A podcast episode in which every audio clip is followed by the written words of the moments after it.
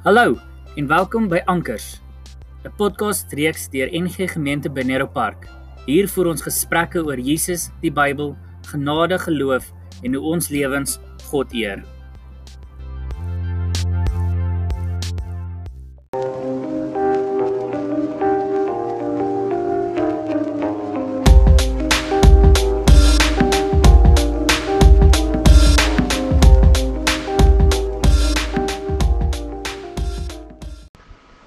Goeiemôre, Dinsdag, die 20ste Oktober, nog 'n warm dag wat vir ons wag en ons sien uit na koeler weer later die week. Um en ons sien ook sommer uit na 'n bietjie reën wat altyd welkom is. Ek het Woensdag, ag, um Saterdagoggend met ons manne ontbyt het ek 'n gedeelte uit Psalm 73 gelees en ek dink daar's nogal baie van ons wat op 'n manier daarmee kan assosieer Ek gaan sommer hier en daar 'n klompie verse lees wat sê waarlik die dis 'n Asaf Psalm met ander woorde deur Asaf geskryf nie deur Dawid nie.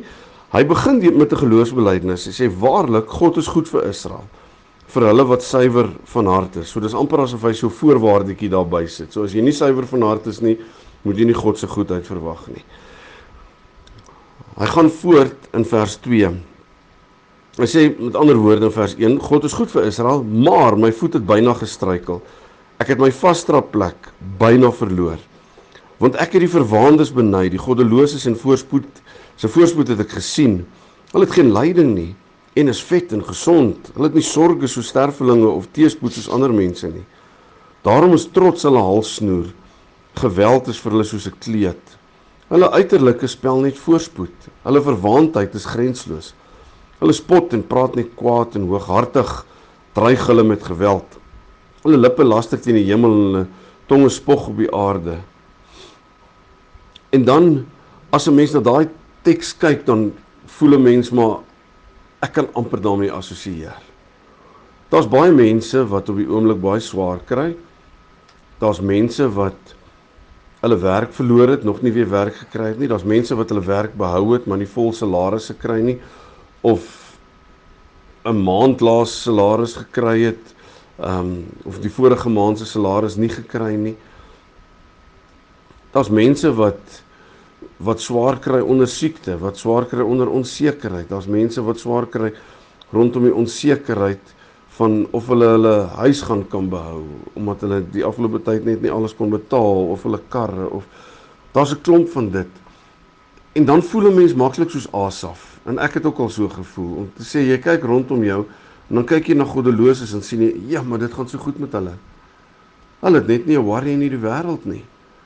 En dan begin 'n mens wonder, maar Here, waar is U? Hoekom voel dit asof U ons in die steek laat? Ehm um, asof daar nie vir ons uitkoms is nie. Dit voel of ons net swaar kry en dan dink ek so aan tannie Stinie um, in die agter elke man reeks wat altyd gesê het ek weet nie hoekom ek so so moet suffer nie. En partykeer dink ek Christene voel ook nogal so.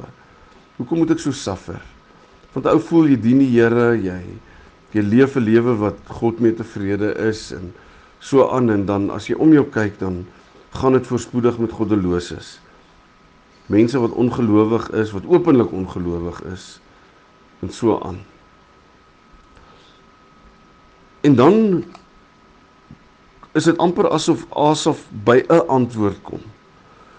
En dan sê hy vers 15 of vers 16, ek het nagedink om dit te verstaan, om met ander woorde al hierdie goed wat om my gebeur het ek oor gedink want ek wil dit probeer verstaan, ek wil dit uitfigure.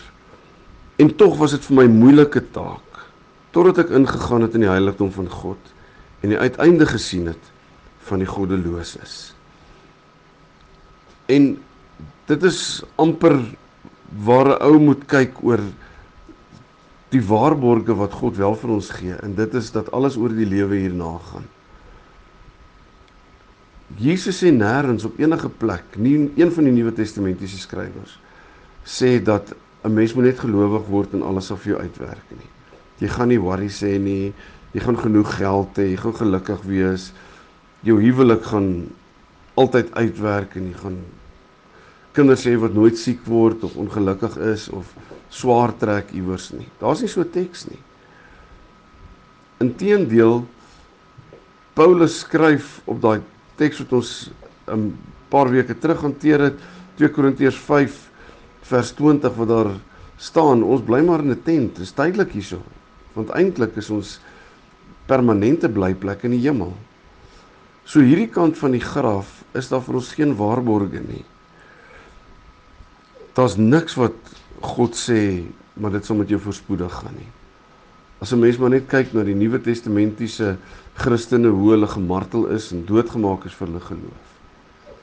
Dan dink ek nie ons het enige reg om te wil voel maar dit moet met ons anders gaan nie. Ja, die lewe is onregverdig en dis wat ons ons kinders van kleins af geleer het. Die lewe is onregverdig en life happens. Dis wat gebeur.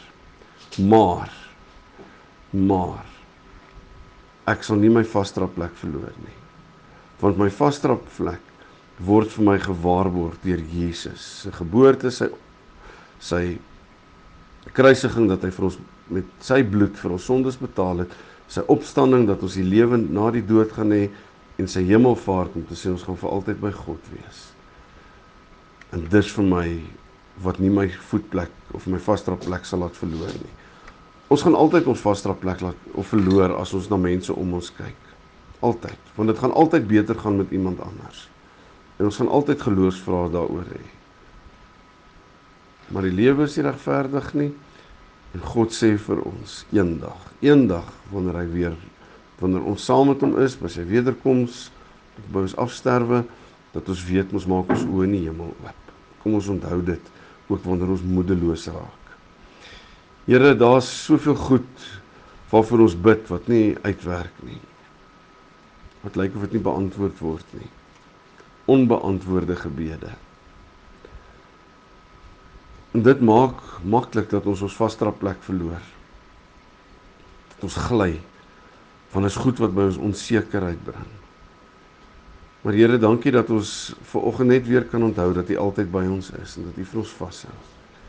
En dat ons nooit teleurstelling moet sien as 'n teken van U afwesigheid nie.